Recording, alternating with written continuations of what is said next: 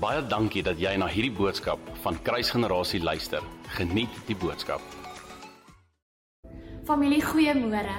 Vanoggend wil ek met jou net so 'n paar skriffies deel uit Filippense. En dis Paulus wat hier praat. As ons dink aan Paulus se lewe, dan weet ons dat voor hy Paulus was, was sy naam Saulus en het hy die kerk vervolg en verskriklike slegte goed gedoen. En ek wil nie sê dat hy nou maai wat hy gesaai het nie. Maar Paulus se lewe nadat hy tot bekering gekom het, was nie altyd monskyn en rose nie. Sy lewe het nie net goed gegaan nie. Daar was tawwe tye. En dalk bevind jy jou in een van hierdie tye wat Paulus ook ervaar het. En dan wil ek jou bemoedig met wat hy self gesê het, 'n man wat deur hierdie goed self gegaan het. Ek lees vir jou in Filippense 4 van vers 11, 12 en 13. En Paulus sê not that I speak in regard to need. Met ander woorde, wanneer hy hier praat, sê hy ek praat nie nou uit die oogpunt uit van dat ek 'n nood het nie. Hy sê for I have learned in whatever state I am to be content. I know how to be abased. Abased beteken eenvoudig hoe om nederig, eintlik baie laag te leef.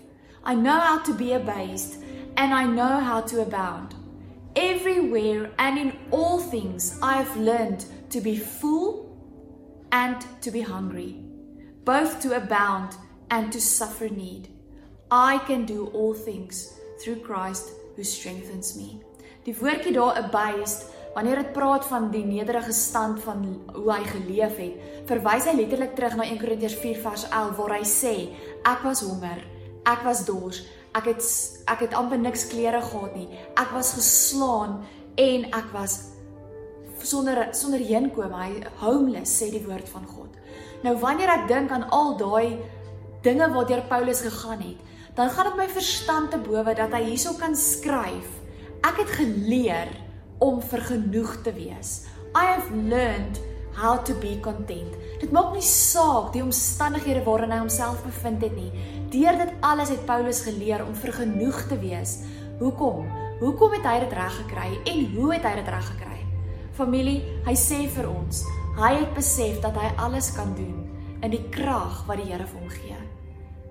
Ek hoop jy kan vandag die krag wat God vir jou gee, ervaar en weet dat dit maak nie saak wat jy wat jy deurgaan op hierdie oomblik nie. Dit maak nie saak wat jou omstandighede is nie.